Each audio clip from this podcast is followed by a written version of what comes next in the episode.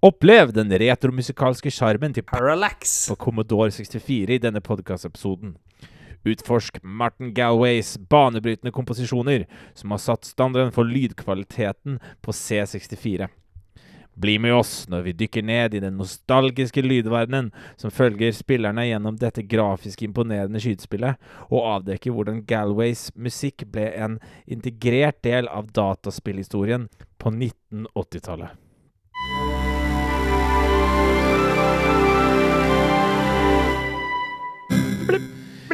Yeah! Og hjertelig velkommen til enda en episode av Bleeps og Bloops. Jeg er Sverre Dalbakk. Jeg er musiker musiker, også jobber som musikkterapeut og er glad i eh, musikk og litt psykologien som eh, er rundt den. Og med meg så klart har jeg da min gode venn Alexander yeah. Espeseth. Det er meg. Uh, jeg justerer popfilteret mitt, for det har jeg tydeligvis klart å gjøre feil. Men det Ja. driter vi i.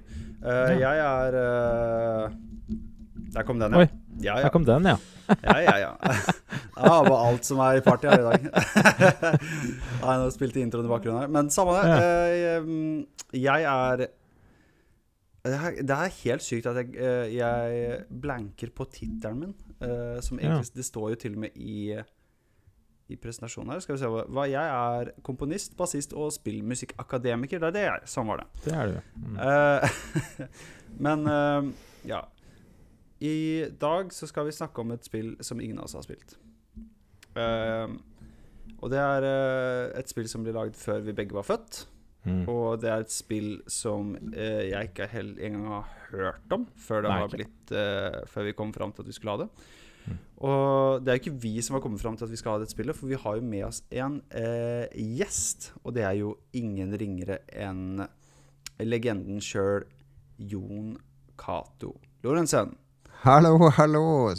Sånn blir det når dere tar sånne gamlinger inn. Da blir det spill fra før dere var født. Ja. ja, det er sant, det. Du, kan, kan ikke du fortelle oss eh, litt hvem du er? Nå har jeg sagt navnet ditt, men du kan jo ta resten. Det er jo en del mer å fordøye med deg, er det ikke det? Eh, ja, det er jo Jeg har jo holdt på med dataspill eh, si, Eller jobba med dataspill eh, siden eh, Ja, når er dere født? Siden 95 cirka? Var vel det jeg begynte å skrive. Det er da jeg ble født, da. Ja, nettopp. så jeg, nei, jeg har jo holdt på Jeg er født i 72, så jeg er født samme år som Pong kom. Eh, og eh, Pong så jeg på hurtigbåten mellom Harstad og Tromsø da jeg var sånn fire år. Så, Yes. så jeg har vært med på hele reisen og alltid likt dataspill. Og så begynte jeg å Jeg spilte jo alt eh, hele tida.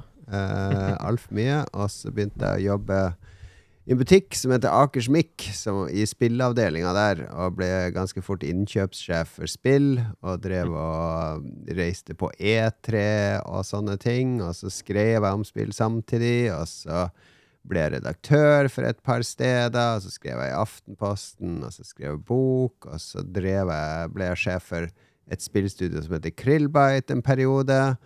Um, så, der vi lagde spill til PlayStation og Xbox osv. Så, videre. så Så jeg har liksom gjort veldig mye innen spill. Og så har jeg alltid jobba med spill som kulturuttrykk, da. Uh, det er liksom det som har eh, vært den røde tråden i snart 30 år. At jeg har liksom prøvd å forstå spill som kulturuttrykk, fordi det er et kulturuttrykk som ikke ligner på film og teater og litteratur og det, det blander veldig mange kunstformer sammen med en type arkitektur og lek. Det har en sånn lekdimensjon som de andre har. Så det å forstå hva dataspill egentlig er Altså eh, det, det er egentlig bare å vise folk Tetris. Så får du essensen i hva et dataspill er, og så er alt annet rundt det staffasje. Ikke sant?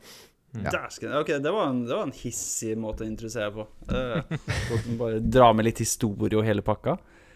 Jeg Ja, jeg spora jeg- litt av, spora litt av men sånn blir det. Sånn er det. Jeg har jo møtt deg på uh, flere ulike plan i livet. Jon Cato. Jeg har jo Ja. møtt deg på Det begynte vel på spillquiz, mener jeg, på Tilt. Som du Ja. sammen med Magnus. Det er vel en gang i måneden, er det ikke det? Ja, det er sånn ti ganger i året har vi en uh, quiz om dataspill, og det har vi hatt nå i tolv år. Altså Koronaårene var litt sånn pause, ufrivillig, men uh, ja, det har vi holdt på med lenge. Siden TILT Mm. starta, omtrent.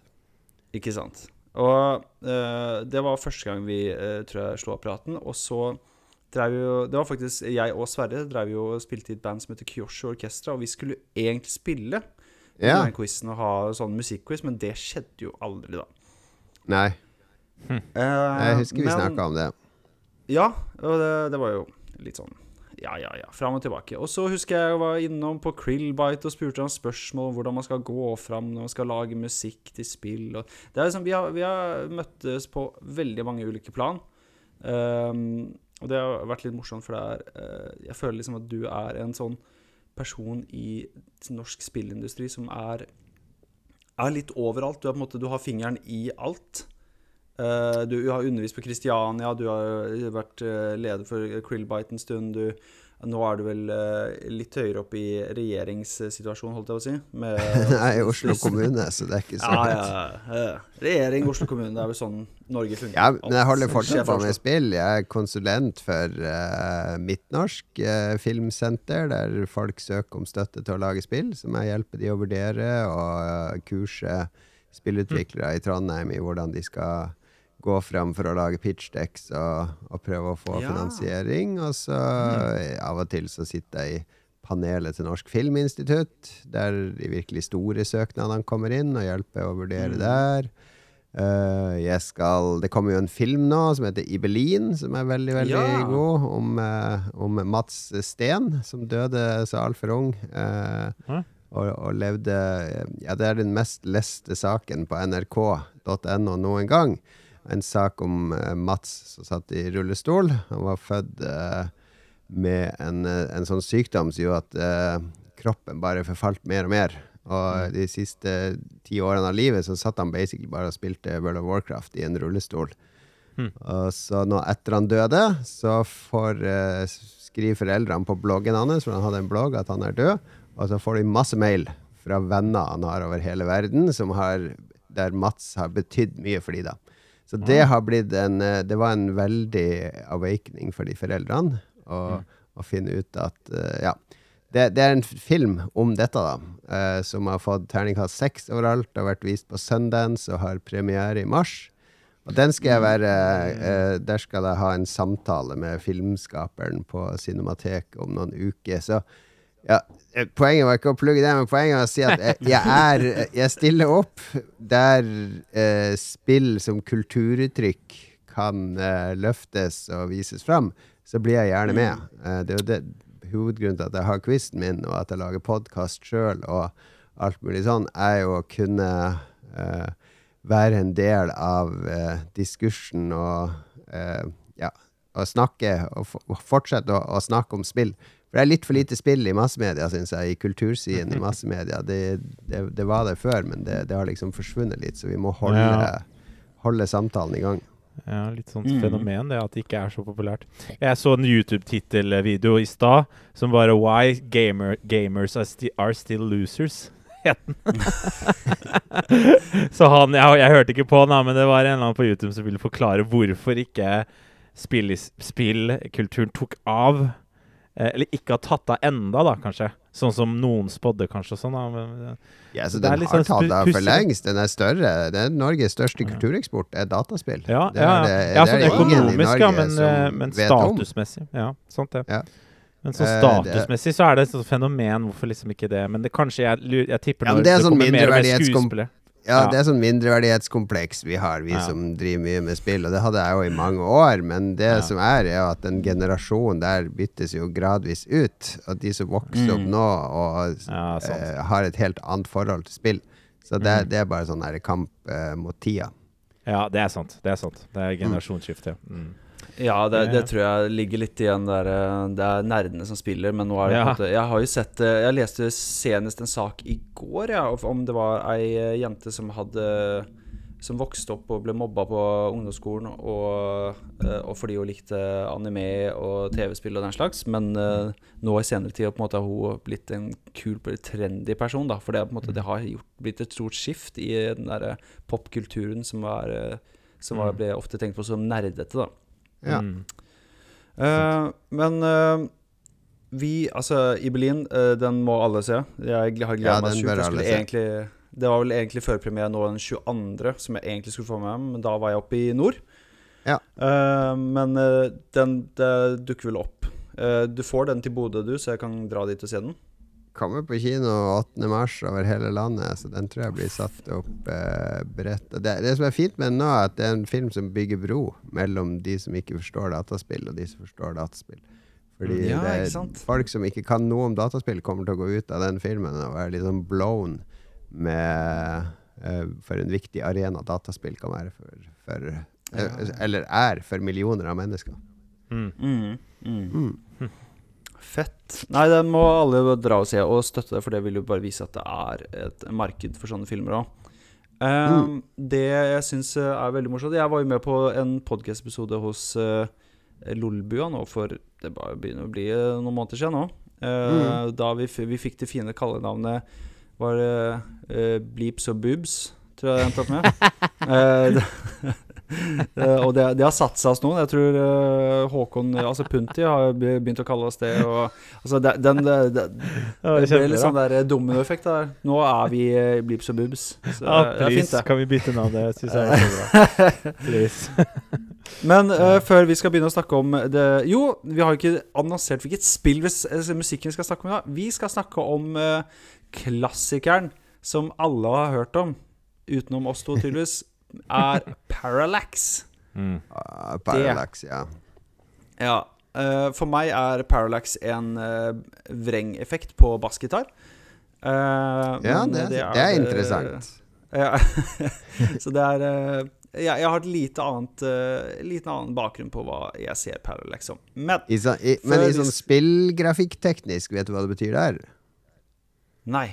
Det, du Tenk deg at du har et sånn 2D-spill der du løper til høyre, og så scroller det noen trær forbi i en hastighet, og så er det sånn fjell bak som scroller i en mye saktere hastighet. Skjønner du hva jeg mener? Ikke sant? Ja, ja, Altså sånn forskjellige lag bakover, scroller i forskjellig hastighet. Det er det man kaller en parallax-scroll-effekt i spill. Fordi da har du Ah. ulike lag som scroller eh, parallelt i ulike hastighet. Parallel Ja, ikke sant. Og det, det, er, Oh. det er egentlig derfor spillet heter Parallax òg, fordi bakgrunnen scroller saktere enn forgrunnen, og så flyr det opp og der igjen. Så de kalte det rett og slett bare Tok bare navnet på den grafiske Altså Ja, animasjonseffekten. fe ja, fett navn. Men var det, var det en veldig nymotens greie å gjøre på den tida?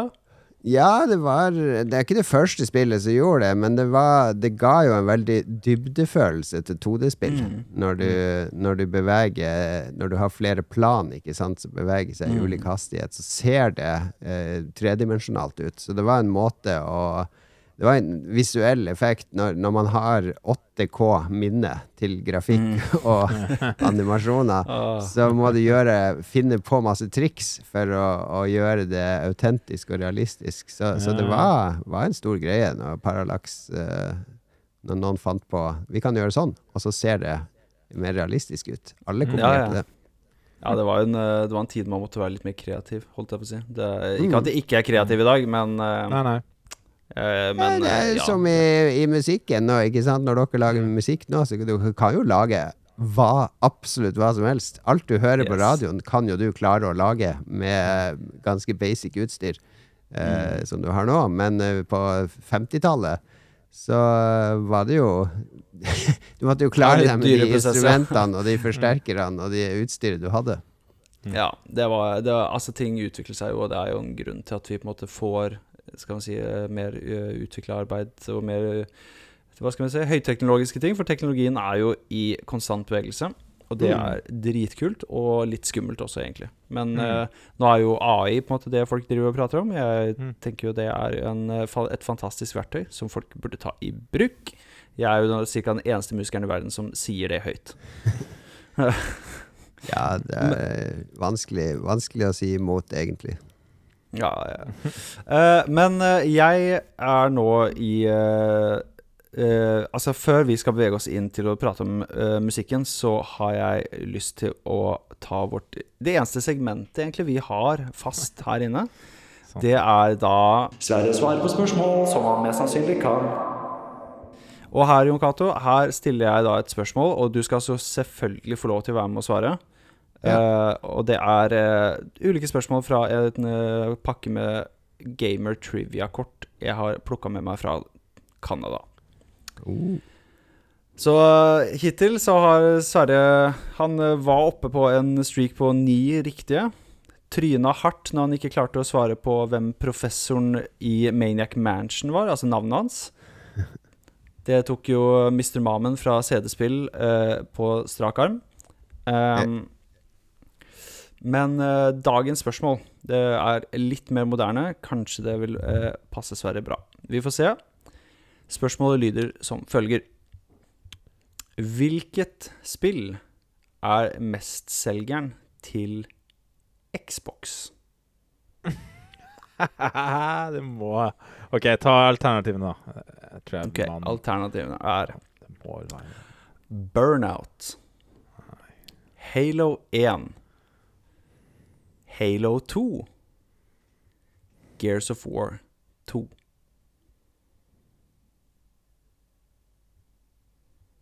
Dæven. Om det er Halo 1 eller Halo 2, det er jeg usikker på, men det må jo være en av de to. No pun intended. Ja, ja. Har du, hva, hva tenker du, Jon Cato? Er du enig med tankegangen hans?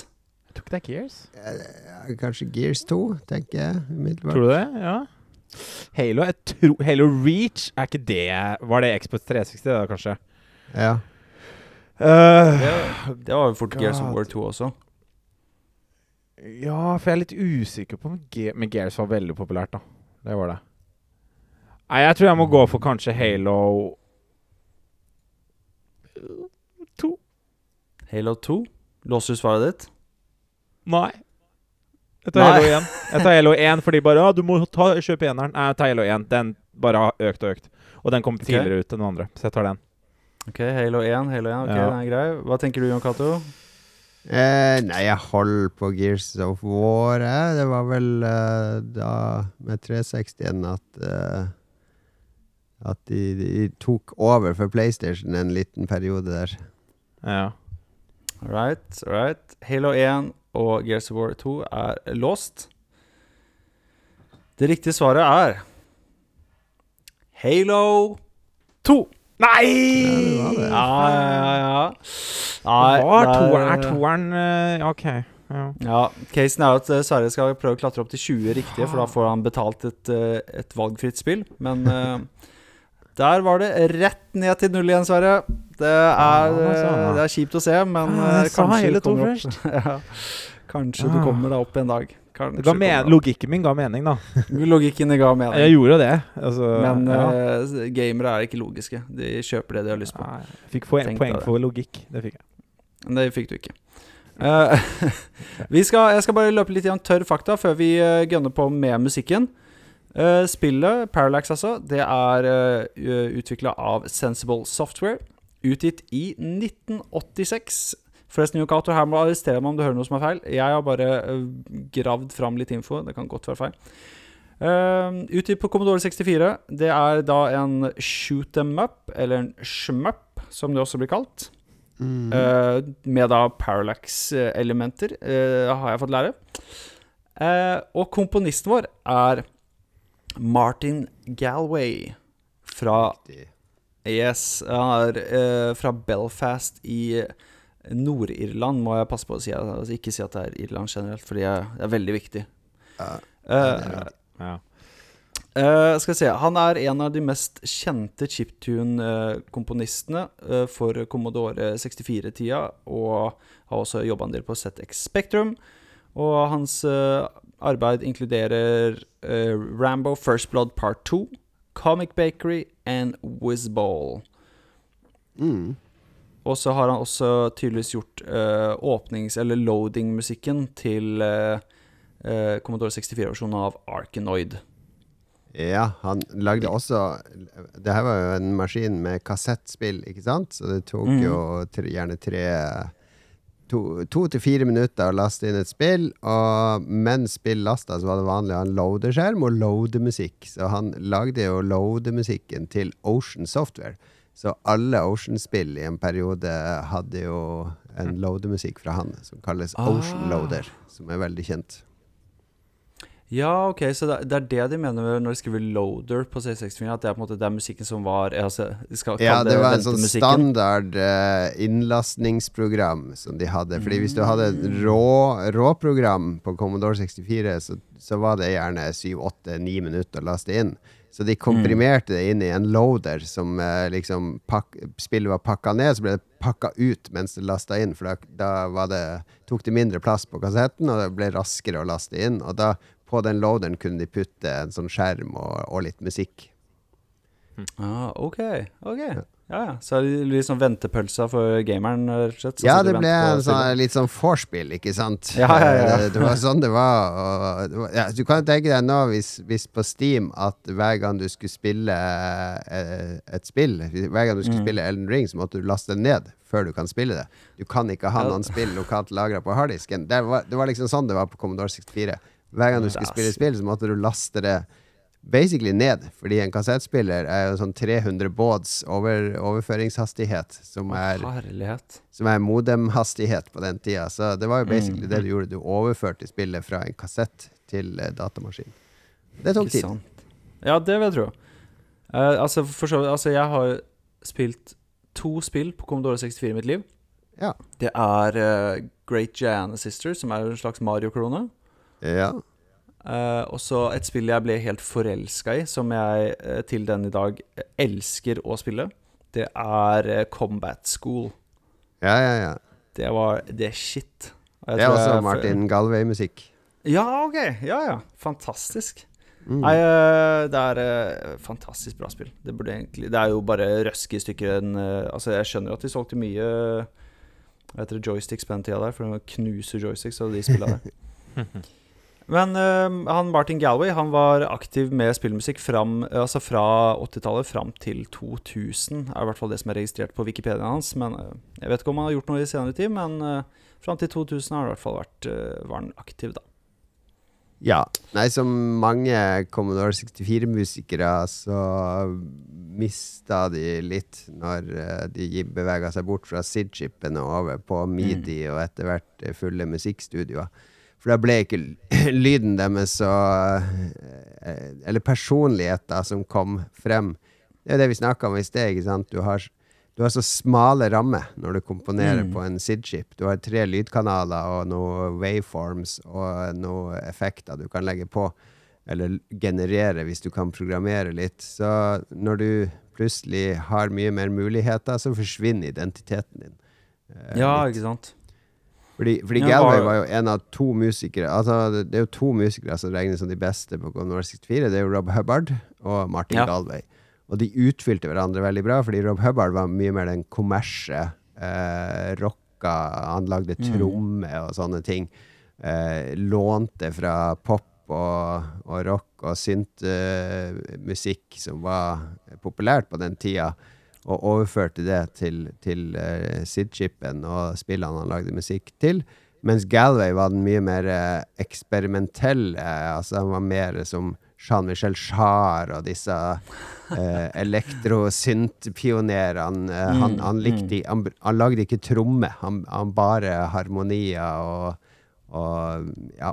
Så de var veldig forskjellige og utfylte hverandre veldig bra. Ja, ja, ja. Hubbard gjorde Last Ninja Nei, var det Matt Gray? Nei, hvem var det? Eh, Last Ninja var Matt Gray og Anthony Beaver. Det var to, eh, to Ikke som ja. samarbeida der. Rob Hubbard mener jeg Jeg mener vi har spilt eh, med Kyoshu. Back in the day så spilte vi et eller annet av han. Ja, Jeg husker det stemmer. nok. ikke hva, hva det var, men uh, det var ja, Hm. et, et eller annet. Uh, men eh, vi skal jo høre på litt musikk, dere. Og jeg har fått så fine eh, Når jeg snakka med Yokato om det her spillet, så fikk jeg så fine titler tilbake. For jeg sa Kan ikke du velge fem-seks låter, da? Så får jeg tilbake Ja, bare fem låter. Og så, bare, ja, men da tar vi alle, da. Og det er så fine titler som uh, nummererte tall fra én til uh, fem. Ja, det var sånn det var. Men det, det er jo Ja, de, de hører jo hjemme ulike steder i spillet, da. Så det er jo en Ja, ja. kontekst på de, Mm. og noen av de var Den korteste var jo bare seks sekunder, mens den lengste var jo i elleve minutter. Det er jo egentlig den, den låten som er grunnen til at jeg valgte det, fordi den låten er min favorittlåt på Commodore 64. Ja, ikke sant? Nei, jeg tenker vi bare hopper rett inn i det. Og som alle tror, så skal vi begynne med låt nummer én. Nei, det er helt feil. Vi skal begynne med låt nummer fire, selvfølgelig. Fordi, fordi grunner. La oss høre på fire av Martin Galway.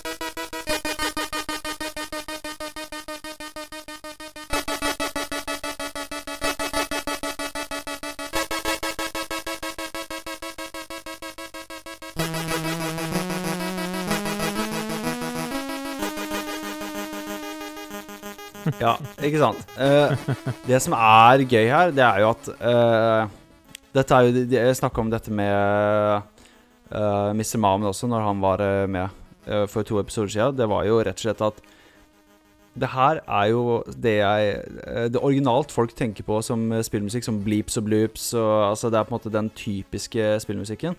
Mm. Men, det, men det er her jeg blir så ekstremt imponert av folk. Fordi her er det restriksjoner, og de gjør det meste ut av det. Uh, altså, vi har sånn derre Vi har den der Det er en, på en måte en Altså, det blir jo på en måte en De legger en slags en tone eller en, en treklang med en delay på. Og så på en måte Mm. kommer det på toppen av hverandre. Og en det blir bare sånn en, en ekkoeffekt. Og så kommer den melodien på toppen av det hele. Som går litt ut av Jeg vet ikke om det er restriksjoner, eller om det er et uh, valg han har tatt, men det er på en måte at det går litt ut At det på en måte sklir litt utafor uh, skala. Og Mm. leker liksom litt uh, på en måte Litt sånn helt forskjellig. Mm. Mm. Jeg syns det er så kult. Ja. Uh, det er en helt det- annen måte å skrive musikk på. Ja, det du merker òg, ikke sant, det er jo den første halvdelen når det bare er de de- de- de- de- de- de- de- Så bruker han jo alle tre kanalene på, for å få det til, ikke sant. Det er jo Mm. eh, eh, treklang, som du kaller det. Jeg kan ingenting om musikk, så jeg, jeg lener meg bare på det dere sier. Det er treklang med denne reverb, altså eh, ekkoeffekten, som, Mm. som eh, ikke sant? På, en synt i dag så er det bare å skru på en knott. Trykke på en knapp og skru på en knott hvor mye reverb du vil ha, men her må du jo hardprogrammere det. Det var ikke noen Mm. musikkeditor på Commodore 64. De som lagde musikk. Rob Hubbard og Galway og de, de programmerte sine egne sekvensere. og Mm. måtte finne ut av den SID-chipen og lagde moduleringseffekter og, og ja, reverb-effekter og alt sånt sjøl. Det er derfor man klarte å skape identitetene sine, for det er jo mange som ikke skjønte hva for eksempel Rob Hubbard gjorde for å lage de trommene, for det var han som hadde klart å knekke en eller annen kode der. Um, Mm. så, men det du merker, ikke sant, første alderen, så hører du disse fine tonene som reverb er og reverb er, og så når melodien kommer, så må han jo dedikere én kanal til det. Så da merker du Mm. at da, da, blir, da er det ikke tre toner lenger som klanger, da har han beholdt to av de, for han må vie Ja, én ja. kanal til det.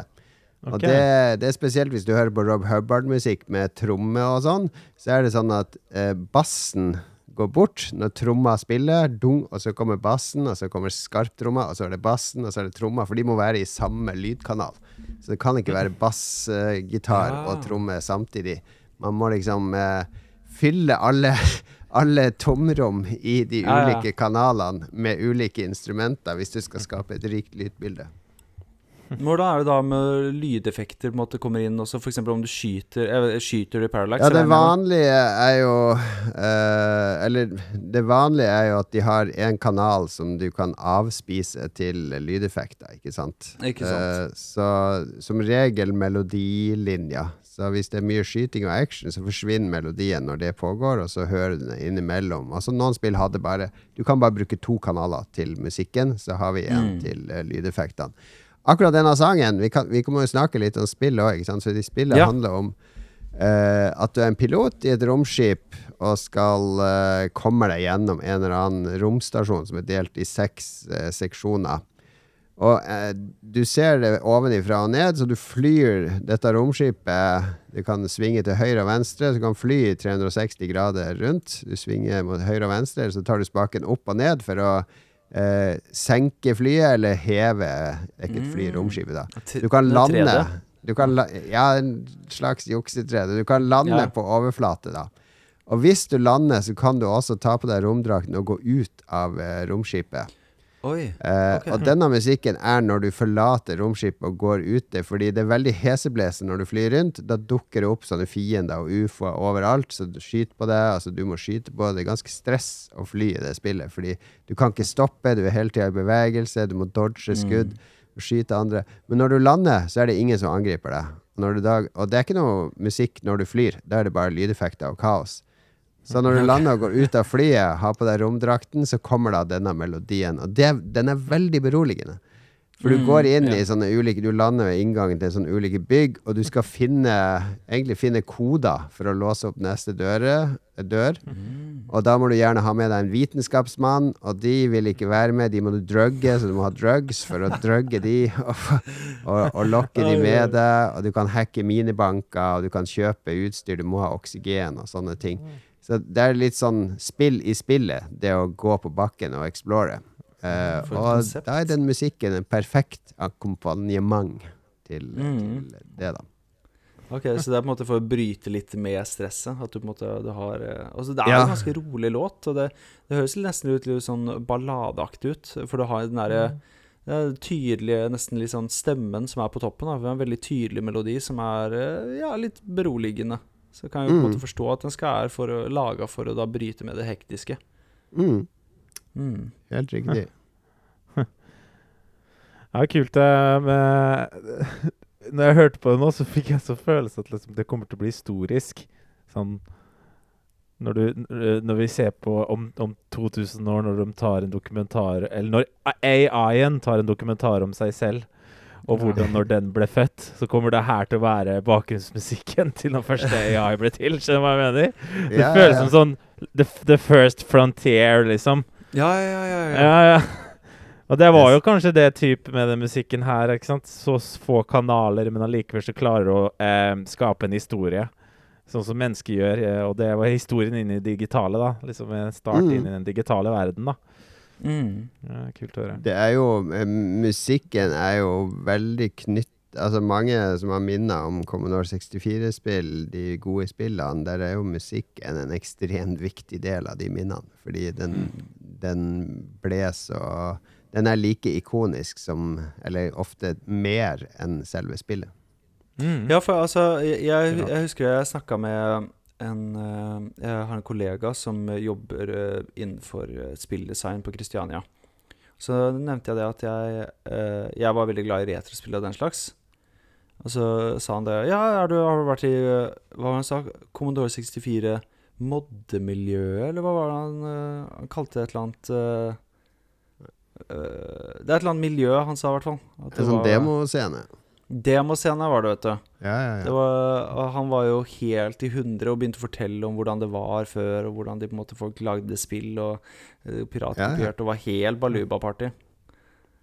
Det er fortsatt en aktiv demoscene på Commodore 64. Uh, mest med menn i min alder, da. Ja, ja. Men jeg skjønte at det var en ganske om jeg, Det er mulig at jeg tar helt feil, men uh, sånn jeg forsto det, så var det en ganske stor scene i eh, Bodø på det her. Ja, i, hvis vi snakker historisk, så var det over hele landet. Det var, okay. I Harstad òg var det demogruppe, og det, det her er jo i steinalderen, ikke sant? Vi, man sendte jo brev med disketter til hverandre. Du lagde en demo Yes. for å promotere crewet ditt, og så spredde du den til alle du kjente. Sendte det i Mm. brev. Eh, di, diskett med demoen på, da. Eh, og så sendte de du sveppa med, som det het, de sendte jo ting tilbake. Det var jo gjerne spill Mm. de gikk jo, òg. Om å gjøre å sende de ferskeste og nyeste demoene og spillene. Så i som demoa da, så skrev du gjerne 'Vil du sveppe med oss?' Så skriv til Jon Cato, Utsikten 5, 9400 Harstad. Ikke sant? Så da fikk jeg plutselig brev fra en eller annen tysker eller eh, franskmann eller svenske som eh, jeg- jeg- I saw your demo. I wanna swap. Here's our latest stuff. Hvordan, hvordan det, Var dette på forum på Nei, det var ikke nett. Altså, Det var ikke noe nett. Det er nettopp det. Du måtte bruke demoen for å promotere det. Så, ikke sant? så det handla om å finne kontakter eh, å sveppe med. Så man dro jo da på det som da het Kopi-party. Eh, Ok. Og som i, nå i dag heter The Gathering, eller Datatreff, Ah, eller ok, ja, LAN-party. ja. Så et Kopi-party var jo der alle tok med seg datamaskinene sine og skjermer, og så reiste de f.eks. til Trondheim, var det copyparty. Så vi var med og arrangerte et i Arendal i 89. Og så Der kom det 600 stykk fra hele Norge og fra Sverige og. Danmark. Og da blir man kjent, ikke sant? Det var ingen voksne der, det var jo bare oss. Eh, Det var ingen regler. vi, hadde bare leid en gymsal og en halv skole. Eh, Shit.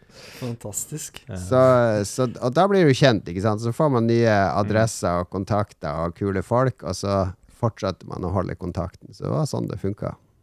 Okay. Wow. Ja, det er gøy. Det var, det var en annen tid, det her. Ja, ja. Og så så du jo andre sine demoer, ikke sant. Du så en demo fra noen kule svenske, og alle som lagde demoer, de skrev jo 'kontakt oss'. Så vi sendte jo til mange, for eh, vi så demoen din, har du lyst til å sveppe? Så han ene svepperen vår i den Amiga-gruppa vår, han hadde jo 80 kontakter, så han drev jo fulltid bare med å kopiere og sende. Det var han som hadde de rikeste foreldrene, så han hadde råd til alle frimerkene. Ja, ja, ja. Og diskettene, for den saks skyld. Ja. Hjelpes meg. Men er det, er det folk som på en måte Kunne man på gjøre en demo og på en måte få jobb av det? Liksom At spillselskapet plukka opp, eller hvordan funka det? Eh, nei, ikke av demoer, men det var mange som lagde demoer som prøvde seg på å lage spill òg, og, og begynte å la, komme inn i spillbransjen via det. Men det var, var, det var ikke noe um, En demo er jo ikke interaktiv, ikke sant? Så det er jo ingen som kan Det er bare du som lager demoen, som kan fucke opp at demoen ikke funker.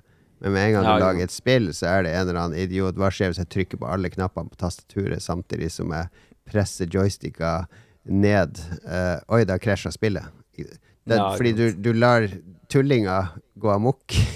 De skal interagere med det du har laga, og da åpner du Det er en helt annen prosess å lage noe sånt der folk skal interagere med produktet ditt. Mm. Mm. Mm. Nei, hjelp. Det var uh, høres altså, sykt fett, egentlig. Uh, jeg tenker vi bare hopper videre til neste låt, ja. Det er Ja. s- selvfølgelig låt fem.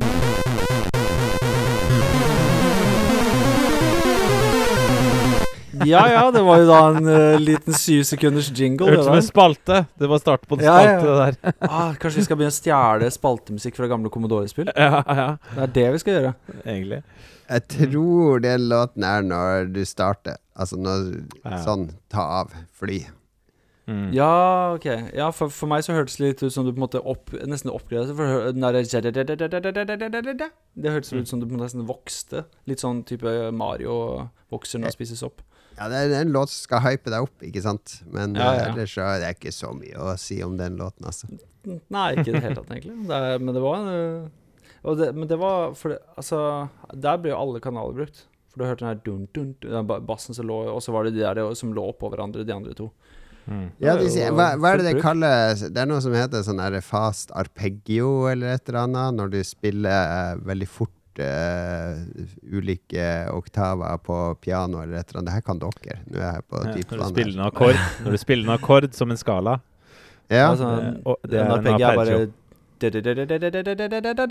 Ja, det, det, det, er jo en av de tingene som Galway får æren av å ha innført på SID-chipen, er at han var veldig god med, med arpeg, arpeggio, hvis det er det det heter, da.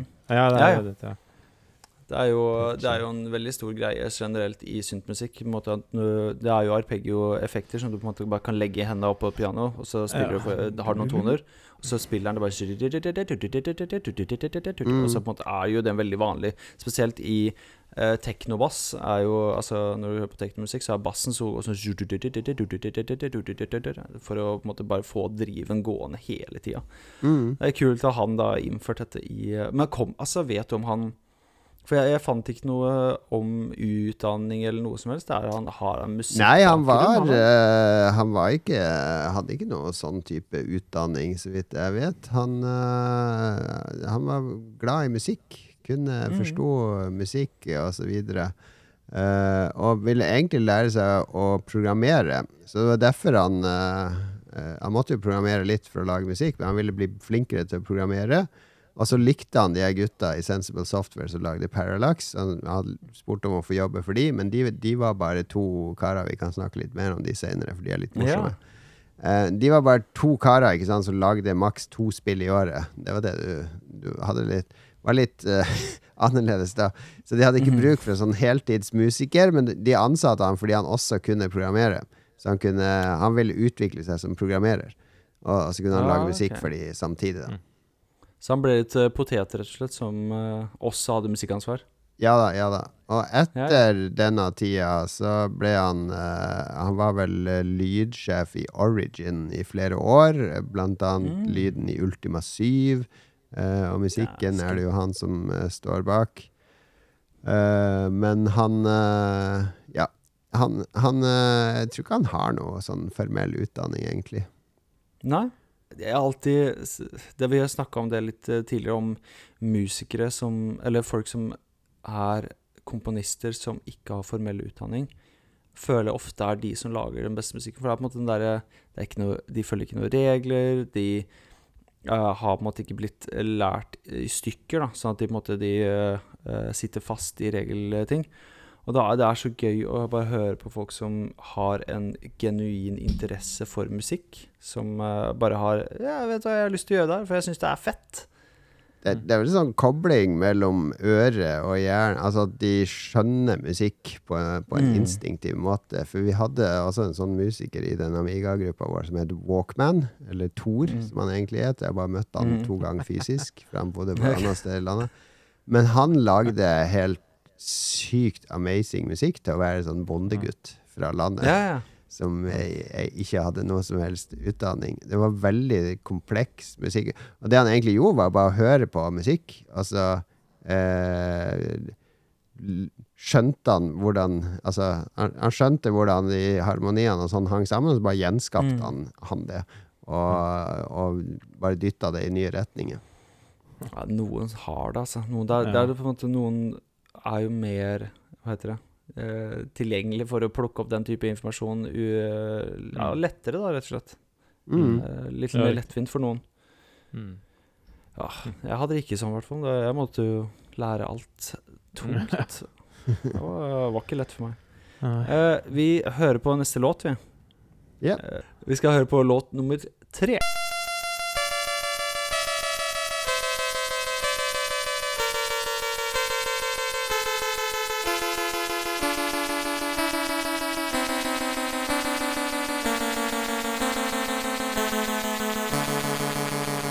Dette er da Game Over-musikken, og dette, og dette er en sånn effekt jeg har sett på YouTube, der du Mm. tror tonen går ned eller opp hele tida. Det det er en eller annen sånn her eh, lyd, eh, note, toneeffekt du kan lage, der du tror den Mm. går opp og opp og opp og opp, og opp, og opp mens egentlig bare går i loop. Det er, Mm. det er litt det den her minner meg om. Ja, ok, ja. Men er, det er ikke det de gjør her, for her går den jo Tydelig opp og ned, gjør den ikke det? Ja, den går ned tre ganger. Ja, okay, ja. Men hver av de ja, ja. s- tre segmentene er litt sånn der eh, Nå skal vi ned, nå skal vi Ja, ja, ja. Altså, De kunne kanskje loopes og hatt noe samme effekt, men ja, eh, ja. den er jo Den spiller jo, ikke sant, på den uh, Overworld-låten vi hørte, ikke sant, når du går rundt med det der Mm. Det er fortsatt det der reverben. Det er bare at nå Nå er du død, ikke sant? Så nå Ja, er ikke så, så oppløftende og rolig som den var. Den bare sånn Oi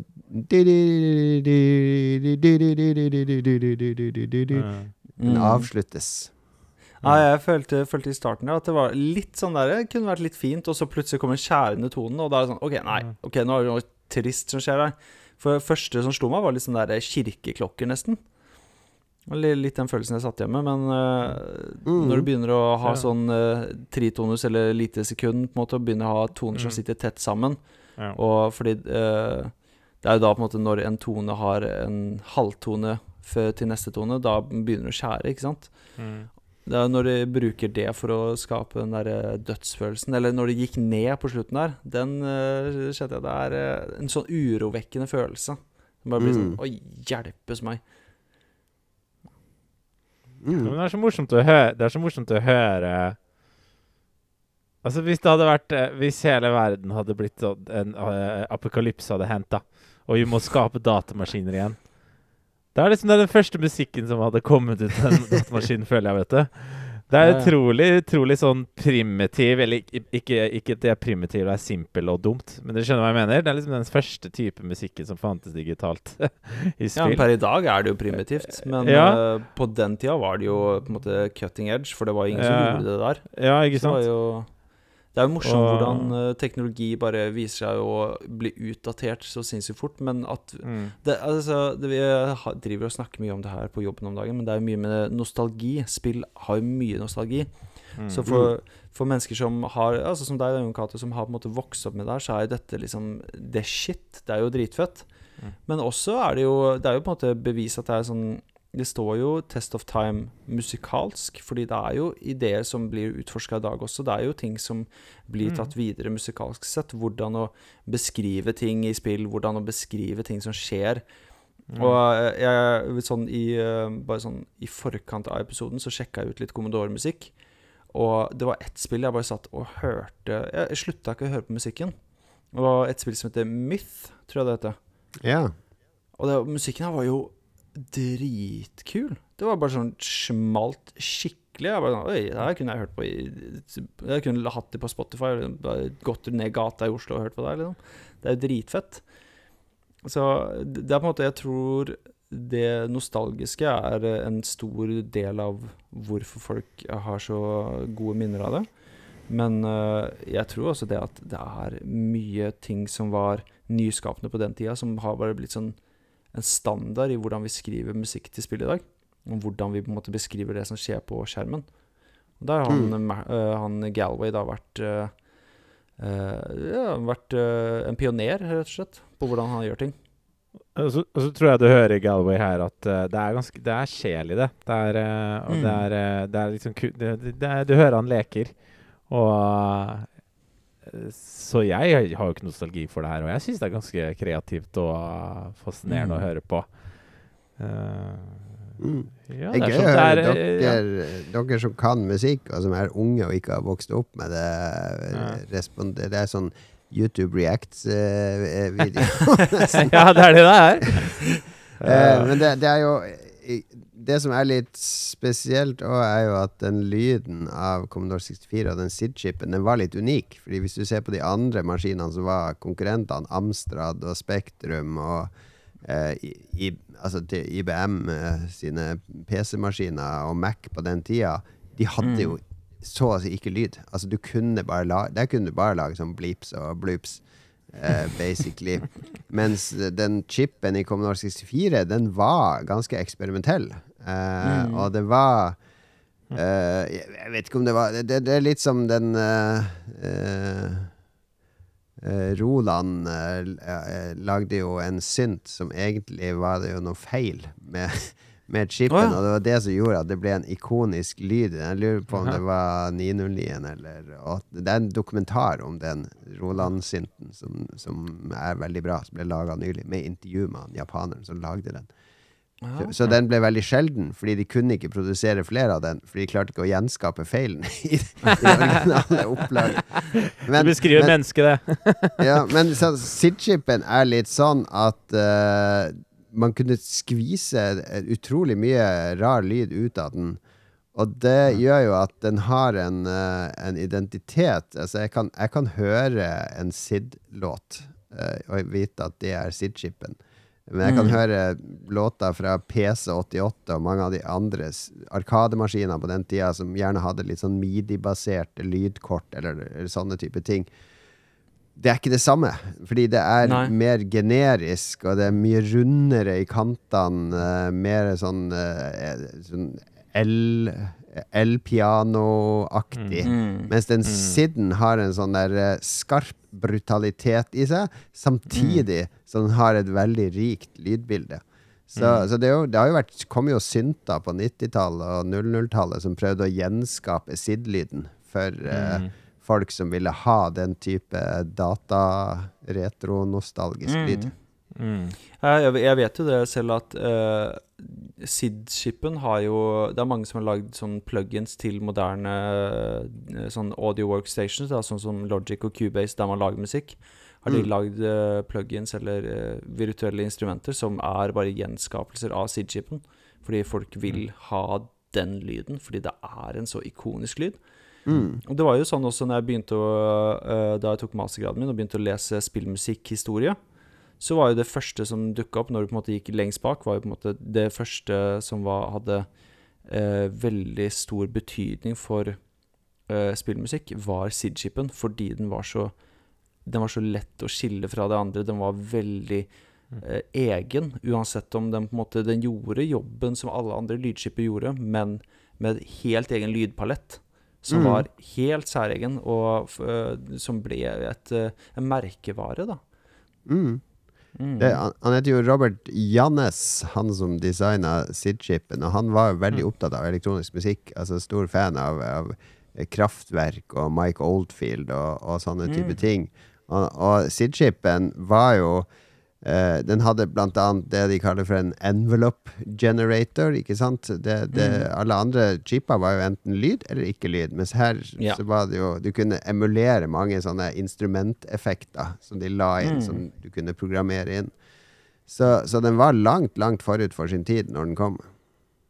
Men eh, kodespråk, eh, språket, mm, kodespråket til SID-chipen, er, er det på en måte brukt i basic, eller var det et helt eget språk? Nei, du må jo inn i det vi kalte for maskinkode, eller assembler, på den tida. Så du må jo rett Ja, ja, ja. inn i eh, registrene og kalle på de ulike eh, Altså eh, Det er eh, 28 sånne porter på den chipen som du kan kalle på med ulike instruksjoner. Og, så, så du lager gjerne sånn lite program over den direkte hardkoda delen. Men du må, måtte jo hardkode. Altså alle spill på Commodore 64 er jo lag, eh, laga rett i uh, maskinkodespråket. Så du Mm. må, må ha oversikt over alle register og vite hva du kaller opp og skrur av og på, og hva, Mm. hvordan ting skal fungere sammen. Det er kult. Så da, måte, da ble det rett og slett når du skrev et stykke musikk, så var det rett og slett nedover, og maskina leste det av som en gående låt. da Ja, altså de, de hadde forskjellige måter å lage musikk på, Galway og Hubbard og sånn. Det var mange som trodde de hadde noen sånne egne eh, trackere og sånn, men egentlig så var det nesten som å tror jeg, lage sånne kodekort som du hadde på gamle elektroniske orgel. Men først Mm. måtte du jo lage lydene, og hvilke lyd Altså hver Jeg skal spille C, D, eh, FIS, eh, B. Eh, det er greit, men hva slags lyd skal CD, FIS, B være, og hvilke effekter skal følge av de, og hva ja, ikke sant? Det, det, jeg, jeg aner ikke hvordan det så ut. Det var magi for meg å få, få lyd. Jeg klarte å lage sånne små basic-program som lagde støy og bråk, men å lage Ja. musikk, det var way beyond meg på den tida. Dette er noe, Jun Jon Cato, jeg hører at eh, du og jeg skal ha en uh, colab-episode der vi bare skal bruke åtte timer på å lære oss å lage musikk i eh, Commodore, eh, altså på C-chipen, og så skal vi uh, sammenligne når vi er ferdig. Det er Ok, en, det er en eh, Lolbua Bleeps og Bloops-stream. Ferdig snakka. ok, ok. Uh, vi hopper videre, vi, til uh, Oi. Vi hopper videre til låt to.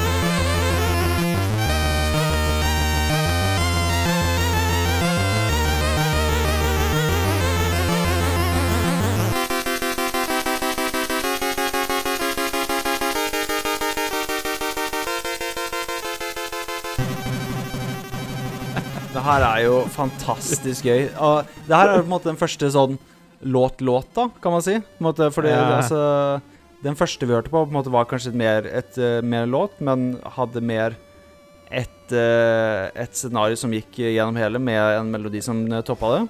Men her er det jo masse forskjellige Altså det er forskjellige Hva skal man si? Bruddstykker da, som det skifter mellom. Det er jo en veldig tydelig melodi. Den kommer tilbake til den der. Og det er en Jeg syns det er bare så kult hvordan den hopper fram og tilbake, og så har den sånn derre de der eh, modulasjonene som leder oppover, oppover, oppover. Og så hopper den rett ned igjen til melodien på en måte og bare blir stødig inni der. Jeg syns det er en veldig eh, Det her er på en måte mer sånn Hva skal man si En, en låt som har forskjellige biter, eller deler. Mm. Nei, den er, den er litt rar låt, syns jeg. For det er akkurat som man bare har skrapa sammen uh, ideene han hadde, og dumpa alt Mm. inn i en låt. Det jeg liker, er at det er en sånn callback til den der eh, overworld-greia midt i der, der den plutselig melodien forsvinner, og så er du på det her Ja. i noen Mm. sekunder, og så fortsetter den. Eh, fordi denne, denne låta er jo Star Wars episode 4-slutten, når de får medalje på scenen. Eh, fanfarelåten, ikke sant? For dette er Mm. high score-låten, når du får lov å skrive Ja. navnet ditt i high score-lista. Så de feirer prestasjonen din. Det står vel også under high score-lista 'You're a real man now'. Hvis du får lov å komme Fantastisk. på navnet ditt der. Så, så det er en sånn feiring, celebration-låt. Eh, litt eh, slitsom, egentlig, syns jeg. Fordi den er, den er eh, Jeg tror disse folka som lagde spillet, Chris Yates er jo programmereren, og John Hare er uh, han som uh, designa grafikk og egentlig var spilldesigneren. De skulle jo egentlig lage musikk, for de gikk jo på ungdomsskolen og var veldig glad i rusmidler og alkohol og spilte gitar og tromme og skulle lage Yes. punkeband. Men det ble litt for slitsomt, syns de, for å drasse på utstyr og sånn. Så, så lærte Chris Yates seg å programmere, fordi de var glad i å spille spill òg. Og Ja. så begynte de å lage spill i stedet. Eh, og så kalte de seg for Sensible Software. Eh, og han John Hare husker ikke helt hvorfor de het det, men han likte at begge eh, ordene var åtte bokstaver, og begge begynte med S og slutta med E. Det var Det var, Ja, det var, det det var grunnen. Symmetri, ikke sant? Det er viktig. Symmetri.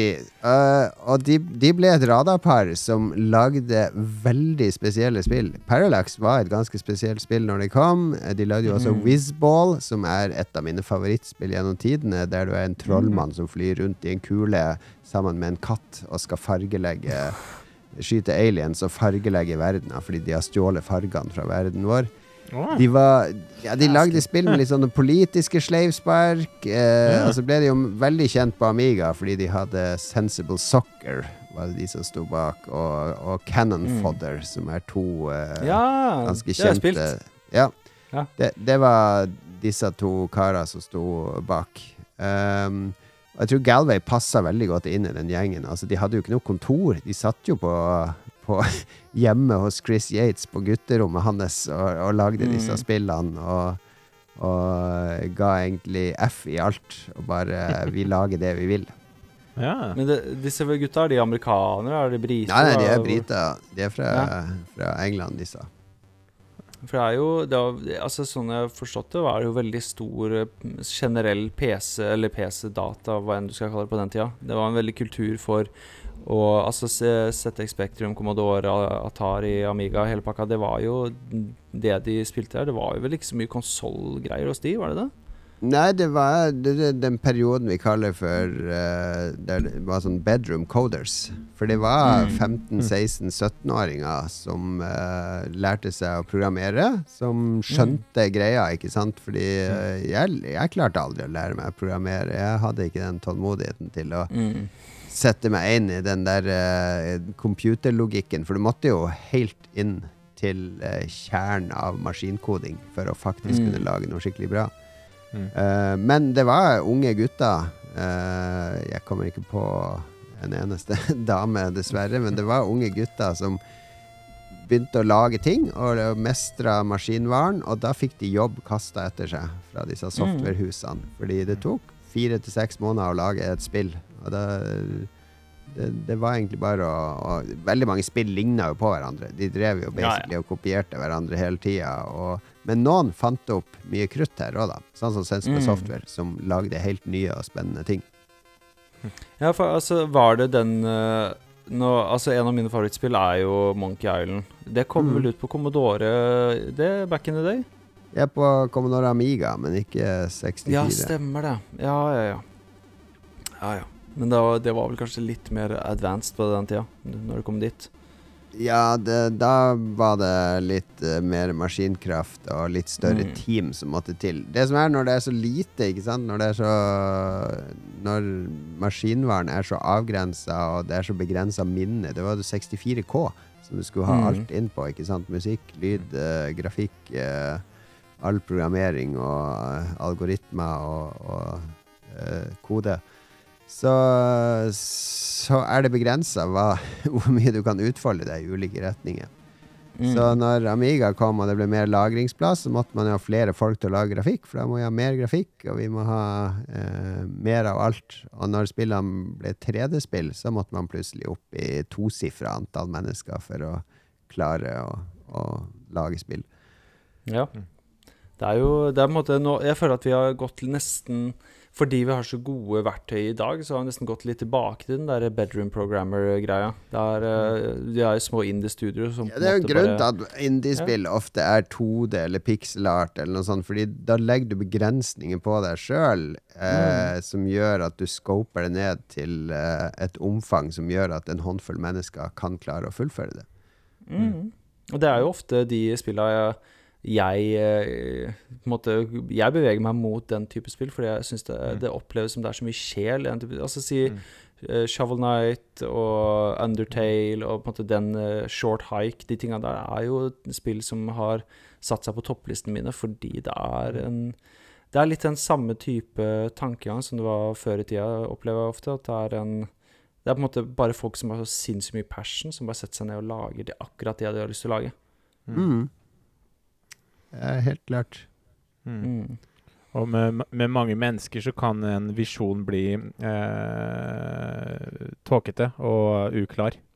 Mm. Og eh, produsenter som investerer mye penger inn i prosjektet, må f sikre seg at det skal selge.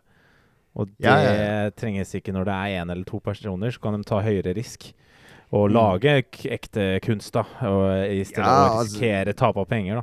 Ja, det er ikke så mye penger du taper, fordi det Mm. tar fire måneder, seks måneder for Mm. to personer å lage et spill.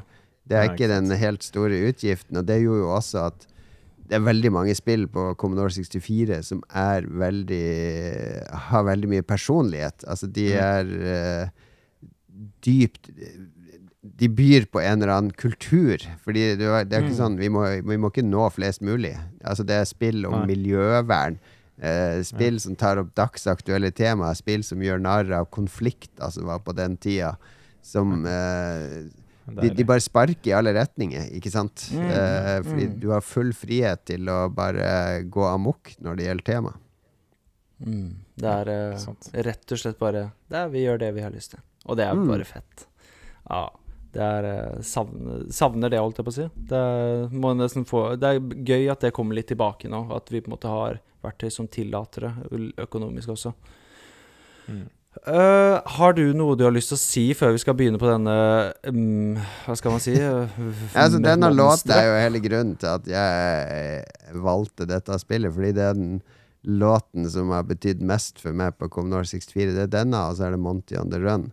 Eh, de Mm. utfyller hverandre egentlig ganske bra, men eh, denne er Når du starter Parallax, så kommer det først, og det var også litt unikt på denne tida, så kommer det en sånn kredittsekvens med koding av Chris Yates og og eh, det er skrevet på litt sånn der ungdommelig uh, fuck you-slang-måte. Mm. Sånn svart skjerm med credits. Og så kommer denne musikken og en masse sånne farga striper som kommer mot deg. Litt som sluttsekvensen i 2001, hvis dere har sett den filmen med disse En sånn fargetunnel du reiser gjennom. Ja. Um, kommer det mot deg, og, og du hører disse synttonene som pip, pip, pip, og det kommer bokstavene Parallax, som liksom seiler rundt på skjermen og blir til logoen på spillet. Eh, og det Det er en veldig sånn der uh, psykedelisk uh, sur, uh, scene. Veldig spesiell scene eh, i spillsammenheng. Å by på som en introskjerm. Og så vises denne skjermen, så kommer det en sånn annen kredittskjerm, og så vises denne på nytt. da Og på nytt og på nytt. Og jeg kunne, sitte, jeg kunne sitte med denne musikken på fullt, for det, det vi skal høre nå, er en veldig psykedelika-aktig, Ok. prog-aktig, eh, ok, suggerende, repeterende låt, der payoffen først kommer etter syv minutter. Så det er basically Ok. sånn eh, eh, seks, syv, åtte minutter der du kanskje bør eh, ha drukket litt whisky og øl og slukka lysene og lagt deg foran denne flimrende skjermen og bare la deg eh, dras inn i disse syntlydene som repeterer seg og repeterer seg og repeterer seg og repeterer seg. Og så får du sånn lite klimaks idet det kommer noe sånn bass og sånn bare wow.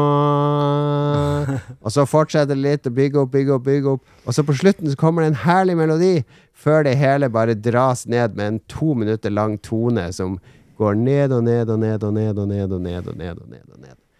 Så det, det er vanskelig å høre på bare et bruddstykke av den låten, for det er en reise. Det, jeg har sikkert hørt lasta inn det spillet og hørt på den 50 ganger da jeg var ung, bare fordi det var det nærmeste jeg kom et rusmiddel. Jeg, var, var på den alderen. jeg begynte ikke å drikke før jeg var 25, men jeg tenkte sånn her må det jo være å ta narkotika, var det jeg tenkte. Så det var en veldig trygg måte for meg å, å ruse meg eh, digitalt. Fantastisk. Nei, altså, jeg tenker vi bare Med den fantastiske presentasjonen der, så hører vi på én.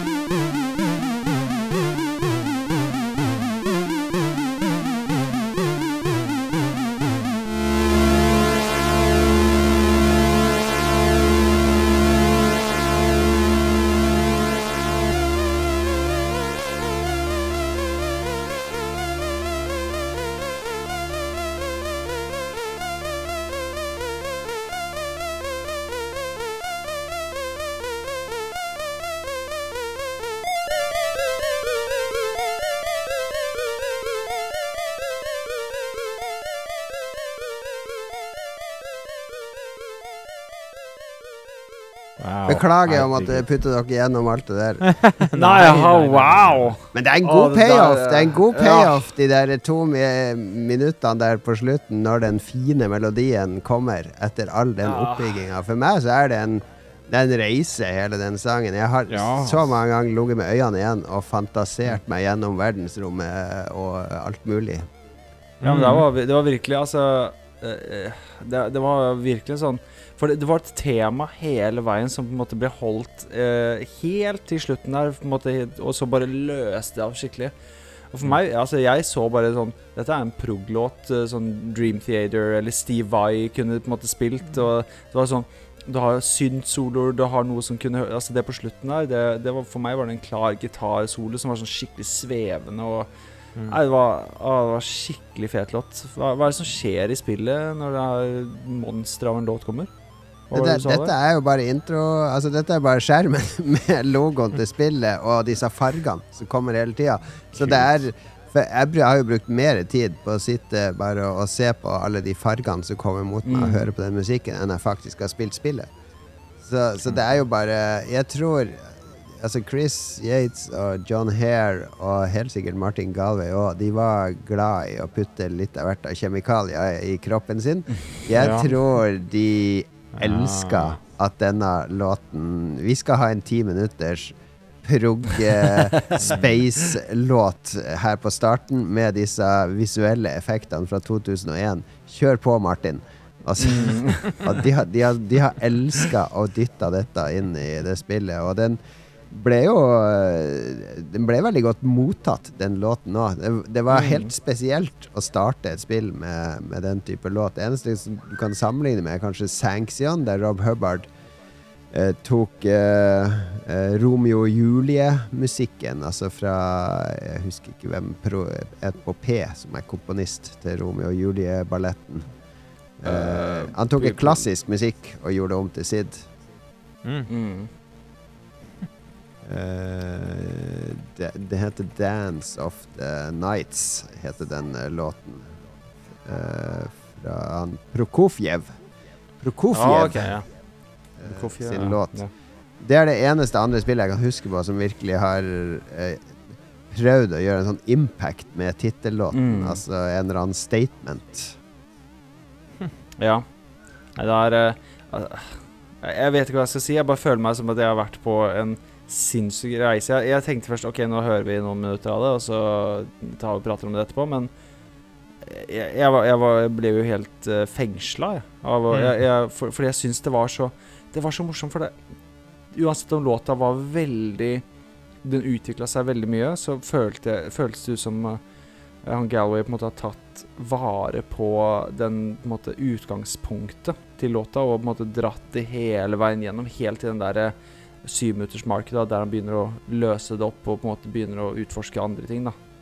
Men Mm. det var fortsatt ja, på en måte progressivt hele veien. Det, var, det opplevdes ikke som jeg satt og hørte på samme låta, men at det var det, Jeg vet ikke hvordan jeg skal forklare det, men det var veldig Det er veldig abstrakt, men du får en helhetsfølelse av utviklinga. Mm. Mm. Ja, og det er vanskelig å hoppe inn et sted i låta, fordi da har du ikke Det er som å, å lande med helikopter uh, i nærheten av toppen på Mount Everest, fordi du har ikke du, du må gjennomføre hele turen for at den payoffen på slutten skal bli en payoff. Jeg, jeg, jeg, jeg husker Lindstrøm Mm. i et intervju. Lindstrøm lager jo veldig god uh, elektronika, men han lager også veldig lange låter. Gjerne åtte-ti-tolv minutter. Og han sa at problemet for han når han lagde de låtene, var at hver gang han drev og gjorde en endring ute i det partiet på seks minutter, så måtte han høre fra starten. Og, Mm. og helt ut for å høre om det hang på grep. Han kunne ikke bare Ja. høre, høre på de ulike seksjonene og tenke ja, nå funker det. Han, hver eneste lille endring måtte låten starte på nytt. Mm. Mm. Ja, at det var Det tar, tar jo ting ofte litt lengre tid om du må sitte og høre igjen det seksminuttersmarket hele veien. OK, ok, nå husker jeg hva feelinga var, hva jeg var ute etter. liksom. Men jeg skjønner jo det. Det er en sånn kontekstgreie. Det er sånn, Du vil jo gjerne ha Det er jo vanskelig. Det er litt som å se en film, og så bare jeg skal hoppe inn på 'Ringenes herre' i midten av Mot slutten av den andre filmen, så er det sånn Hva er det som skjer her? Hva Mm. er det som skjer? Eh, Jeg syns det, det var veldig, veldig veldig annerledes, og ikke noe jeg forventa fra et spill fra 86, skal jeg ærlig innrømme. Nei, nei, men jeg håper, jeg, jeg håper det har vært gøy for dere å være med til 86 og en av de mest eksperimentelle spillene både visuelt og, og innholdsmessig. Mm. Mm. Ja, virkelig. Jeg, jeg syns det var et uh, kunstverk, jeg, nesten det siste. Mm. Veldig innoverreise. Du skjønner at de har Mm. kost seg Ja. i rommene sine når de var yngre og sånn. Det, Ja, ja, det tror jeg på. Det tror jeg på.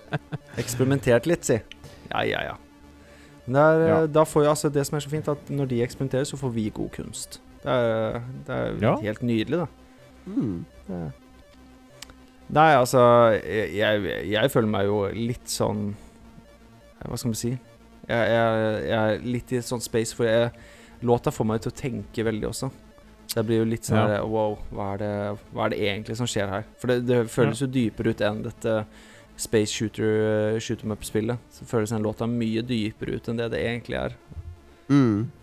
Så det er sp eh, spi spillet i dag er det ikke så mange som husker så godt, men musikken er det som er igjen. Ikke sant? Ja. Det det jeg nevnte tidligere, at dette er et av de Mm. spillene der musikken står som et minne for mange, uten at de helt husker hva spillet gikk ut på. Mm. Mm.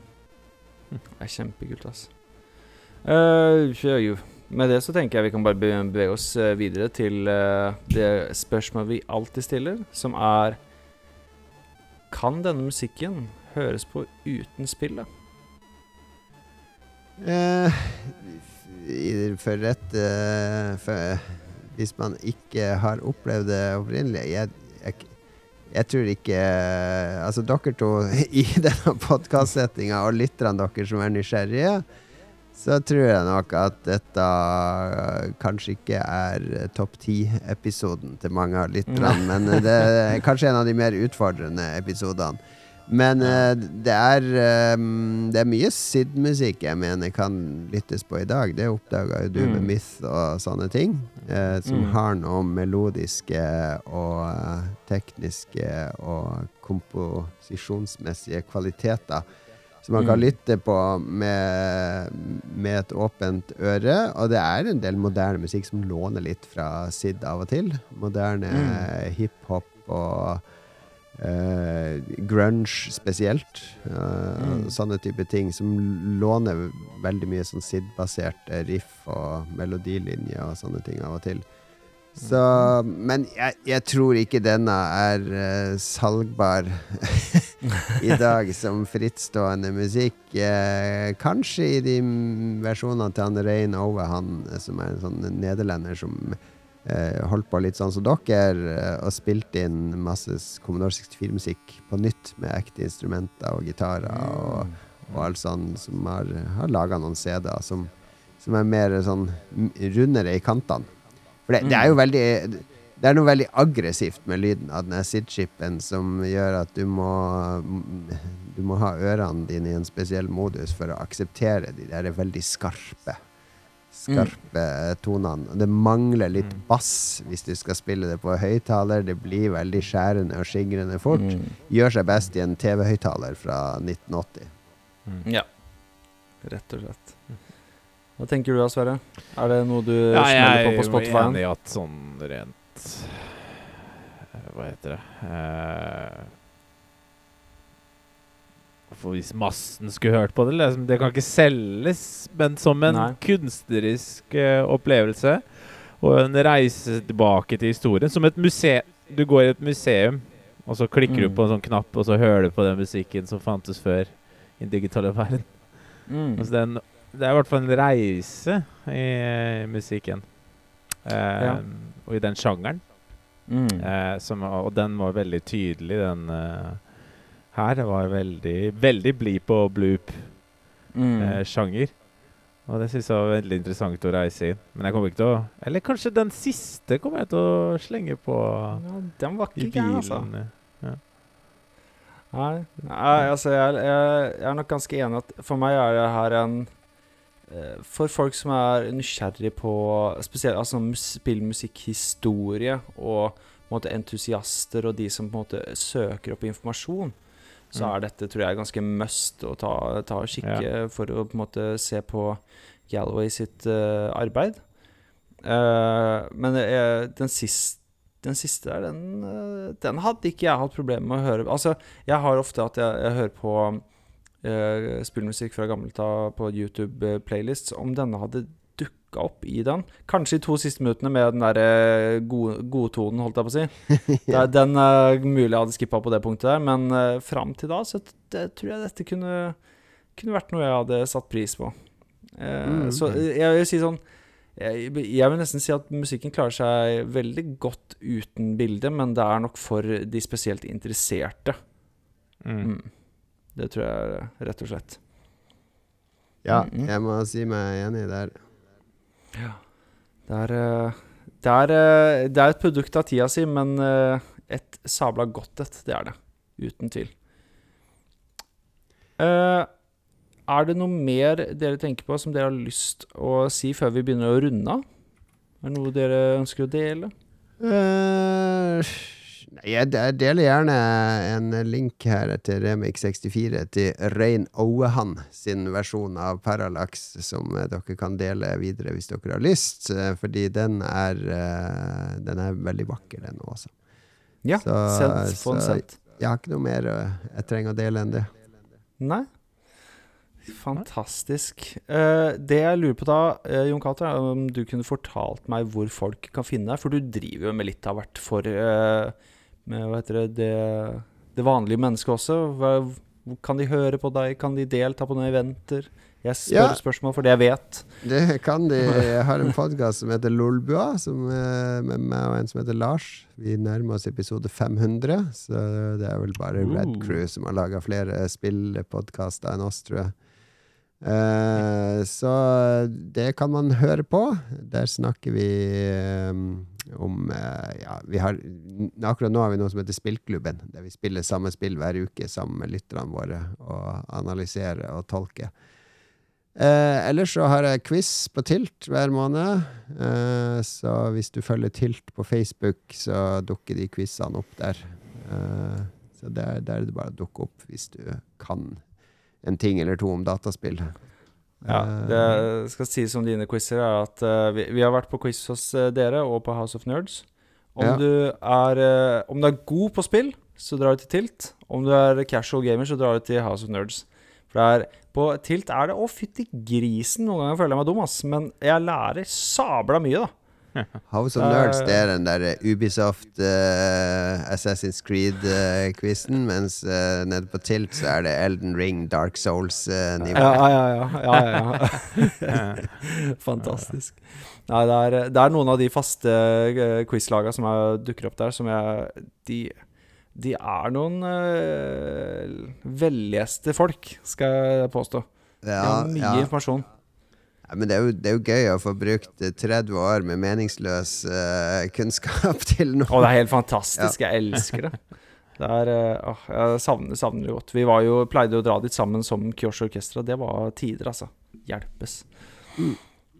Nei, men uh, eh, vi pleier jo også på slutten å tease neste ukes episode. Eh, vi skal eh, til litt eh, en dæsj mer moderne ting, men eh, nå begynner sikkert folk å kalle dette retro snart også. Det begynner å bli, føle meg gammel når folk sier at eh, PlayStation, blitt, PlayStation 1 er retro. Og til og med GameCuben og Xbox og PlayStation 2 har blitt retro. Men uh, vi skal en generasjon videre og snakke om Mario Galaxy. Som er kjent som vendepunktet til Shigeru Miyamoto, hvor han gikk vekk fra midi og begynte å bruke ekte musikere. Så det er eh, ønsket vårt å fremme litt den historien der. Men eh, med det så sier jeg eh, tusen takk, Jon Cato, for at du tok deg tida til å sitte her og snakke om faktisk bleeps og bloops. Eh, det er en sann glede å ha deg med. Takk for at jeg fikk indulge lytterne i obskur musikk fra 80-tallet. Det er helt fantastisk. Helt fantastisk. Eh, og med det så har jeg i hvert fall hatt det sinnssykt sabla dritbra. Og derfor sier jeg uh, ha det bra! Ha det bra. Ha det.